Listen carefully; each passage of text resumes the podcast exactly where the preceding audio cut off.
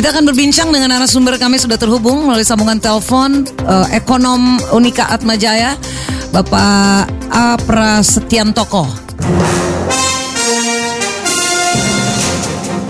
Pak Pras, gimana uh, pandangan ekonom dalam menyikapi uh, keluhan Menq Sri Mulyani terkait soal ada 70 undang-undang yang menghambat? Saya kira itu problem kita bersama ya bahwa dalam suasana yang bahkan yang umum saja kita memang punya masalah bagaimana kita memperlancar investasi Indonesia. Nah ini apalagi dalam situasi yang tidak terlalu baik di mana potensi resesi global itu mungkin akan terjadi hmm. sehingga kita perlu usaha yang lebih keras untuk uh, memperbaiki iklim investasi agar investasi khususnya asing itu bisa lebih banyak masuk ke Indonesia sehingga kita bisa mengurangi dampak dari atau resiko dari resesi global tersebut. Hmm, Oke, okay. ini memang problem kita bersama, memang harus diatasi. Tanggapan Anda, uh, apakah ini mengindikasikan bahwa uh, pemerintah mulai uh, serius ini dan uh, perhatian penuh setelah selama ini mungkin tidak terpikirkan? Perhatian terhadap investasi saya kira meningkat belakangan ini uh, tidak hanya dari sisi regulasi tapi juga hal lain infrastruktur misalnya. Tapi menurut saya ini saatnya untuk kita betul-betul menata uh, kerangka kelembagaan karena ternyata kendala dari investasi uh, bukan saja infrastruktur tapi lebih-lebih adalah soal regulasi. Saya kira hmm. ini perlu disadari oleh semua pihak khususnya hmm. uh, pemerintah pada level yang menengah ke bawah ini khususnya ke daerah ya karena yeah kesadaran itu sudah ada pada level pusat presiden dengan para menteri, hmm. tetapi e, persoalan yang sesungguhnya sebetulnya pada level yang apa jajaran lebih e, per, apa perangkat kebijakan yang lebih rendah, khususnya soal hmm. e, apa namanya regulasi di daerah gitu peraturan daerah mungkin ya aturan-aturan yang berlaku di daerah itu ternyata menghambat juga.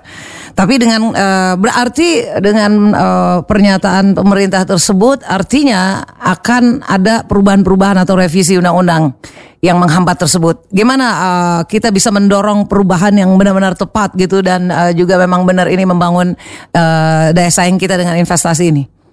Iya, saya kira salah satu yang kemarin juga dilontarkan dalam ketika Bu Sri Mulyani dan Pak uh, Menko Maritim berbicara itu soal konsep omnibus law ya. Jadi uh, itu bisa di apa namanya di torpedo dengan satu aturan yang bisa membatalkan kendala-kendala yang dianggap hmm. uh, tidak menguntungkan investasi gitu. Hmm. Saya kira ini ini satu saya kira terobosan-terobosan terus dicari gitu hmm. dan intinya uh, supaya Indonesia ini makin menarik uh, di mata investor asing karena kalau kita bandingkan dengan hmm. apa yang dilakukan oleh negara-negara lain hari ini kita agak sedikit terlambat gitu misalnya yeah. dengan Vietnam dengan Thailand dengan Malaysia kita kalah jauh dari sisi kita nggak usah ngomong yang lain-lain soal SCM dan sebagainya tapi soal uh, aturan perundangan kita kalah jauh jadi kita memang harus melakukan usaha-usaha yang mungkin tidak biasa dalam waktu hmm. ke depan ini. Oke. Okay yang harus tidak yang tidak biasa dalam waktu ke depan. Jadi uh, memang ini udah urgent banget, uh, udah sangat mendesak gitu kalau kita ingin uh, investor ke Indonesia, investor asing. Iya, karena hmm. kita sama-sama menyadari bahwa hmm. situasi ekonomi dunia itu tidak tidak dalam situasi yang baik. Belakangan ada isu lagi apa konflik antara uh, Saudi dengan Iran, Amerika dan itu berpotensi naikin harga minyak. Kalau itu terjadi maka akan menjadi seri ketidakpastian yang membuat ekonomi dunia itu akan menuju ke resesi sebetulnya. Dan hmm. karena itu kita harus uh, melakukan cara-cara untuk menghindarkan kita itu terseret pada resesi. Kita tidak akan masuk pada resesi, tetapi kita akan terseret. Nah, um, kita usahakan supaya kita terseretnya itu tidak terlalu signifikan. Nah, hmm. salah satunya adalah memastikan supaya investasi asing itu tetap datang ke Indonesia. Yes. Karena itu salah satu cara untuk menahan kita uh, untuk untuk hmm. tetap tumbuh di atas lima persen karena kalau hmm. menurut estimasi World Bank kalau kita nggak hati-hati di tahun 2021 kita hanya akan tumbuh 4,6 persen gitu. Hmm. Jadi ini kan satu warning yang penting untuk kita sikapi hmm. bahwa kalau kita tidak mau terseret oleh resesi global ya kita yeah. harus melakukan perombakan-perombakan khususnya di bidang hmm. regulasi terkait investasi. Dan kita boleh uh, menilai bahwa uh, tampaknya saat ini pemerintah sudah mulai aware gitu dan akan melakukan berbagai cara gitu untuk meningkatkan uh, pertumbuhan ekonomi kita dengan cara uh, mempermudah ini. Iya, saya kira itu hmm. uh, sudah dilakukan selama ini kan kita tahu ada paket uh, dere, uh, deregulasi dan dan ada ada 16 paket dan kita belum lihat implementasi realnya di lapangan. Itu dia. Hmm. Investasi investor masih mengalami kesulitan hmm. untuk uh, melakukan usahanya di Indonesia gitu. Berarti hambatan kita selama ini sebetulnya seandainya pun payung hukum tertinggi undang-undang itu dibuat nanti atau ada yang uh, apa namanya diperbaiki yang menghambat itu nanti ada kan ada tantangan lagi ke depan. Nah, ini berarti harus ada uh, antisipasinya bukan Pak Pras? Betul. Jadi kita itu uh, punya problem dengan implementasi. Itu saya kira kita harus ada, harus kita sadari sama-sama gitu. Eh, eh, Indonesia itu punya punya kelebihan karena ada kita negara terbesar, demokrasi terbesar gitu. Tapi itu juga sebuah kelemahan kalau kita mau bicara reformasi yang yang progresif itu Uh, kalau kita bandingkan misalnya dengan Vietnam, misalnya Vietnam, kenapa Vietnam itu begitu menarik bagi investasi asing? Hmm. Ya karena mereka regulasinya sangat ketat gitu. Kalau hmm. pusat bilang A ya sampai ke daerah karena toh kecil gitu ya ikut A gitu. Sementara hmm. kalau di sini kan hmm. pusat A mungkin di daerah masih menanggapinya nggak tahu kapan. Jadi hmm. itu uh, kendala kita dalam konteks bahwa tidak bisa cepat memang implementasi itu harus pelan-pelan hmm. uh, dan tidak bisa dipaksakan karena kita adalah negara demokrasi. Hmm.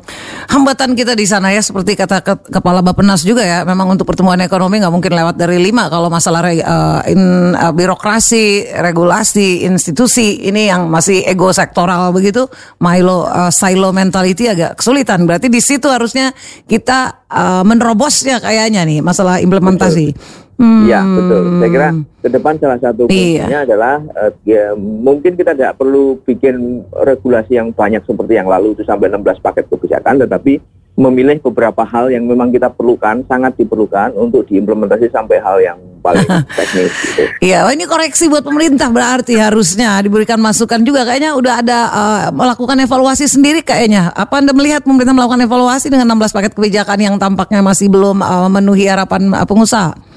Mereka punya tim juga untuk melakukan evaluasi dan saya kira pemerintah melihat itu. Hmm. Uh, kita masih menunggu karena toh juga pemerintahan yang sekarang ini akan berakhir segera berakhir. Hmm. Jadi harapannya dengan nanti timnya yang baru itu bisa ada uh, upaya yang lebih progresif dengan berkaca pada evaluasi hmm. yang sudah dilakukan selama ini. Hmm. Baik baik.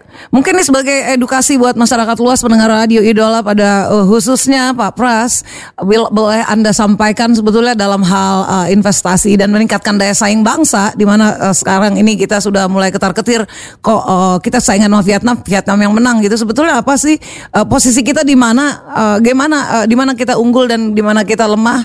Kemudian um, apa uh, tolak ukurnya apa sehingga orang uh, investor asing itu mau datang gitu. Regulasi tadi yang utama tadi ada katakan.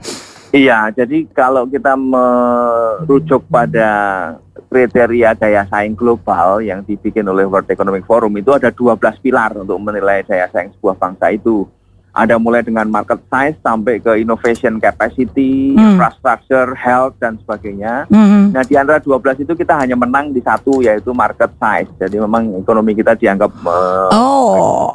besar dan itu adalah sebuah potensi yang yang yang kita harus sadari gitu bahwa kita tuh potensial dari sisi size-nya.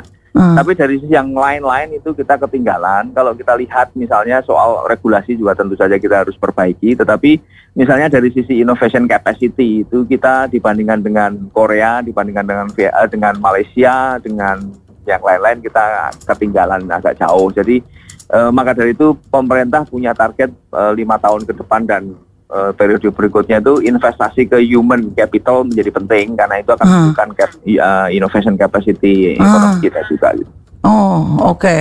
Apalagi? Oh, oke. Okay. Jadi itu tadi market size kita yang cuma menang uh, market size doang di antara 12 pilar tadi. Iya, kalau kalau peringkat yang jelek-jelek itu masih tetap infrastruktur. Oke. Okay. Peringkat 71. Uh, kalau nggak salah health system kita juga uh, masih jelek maka maka dari itu masalah stunting dan sebagainya masih jadi hmm. bagi pemerintah itu hmm. masih di kisaran 80-an peringkatnya 84 atau berapa hmm. gitu. Hmm, hmm itu uh, dan kelembagaan. Jadi hmm. ini saya kira tiga isu besar yang mesti diadres ke depan selain hmm. infrastruktur yang sudah dilakukan lima tahun terakhir, yeah. SDM kesehatan yang akan dikerjakan. Ya, yang ketiga adalah pilar kelembagaan ini yang hmm. saya kira perlu diperhatikan betul dalam periode okay. lima tahun ke depan. Meskipun kita melihat bahwa arahnya sudah ke sana ya, tapi belum nyata gitu ya maksudnya ya. Iya betul. Okay. Kita perlu akselerasi. Hmm, baiklah, baiklah. Pak Pras, terima kasih banyak Pak sudah menjelaskan Baik. tentang hal ini. Selamat uh, beraktivitas Pak Pras, sukses untuk Anda. Terima kasih. Demikian Mitra Idola Ekonom Unika Atmajaya A Prasetyan Toko.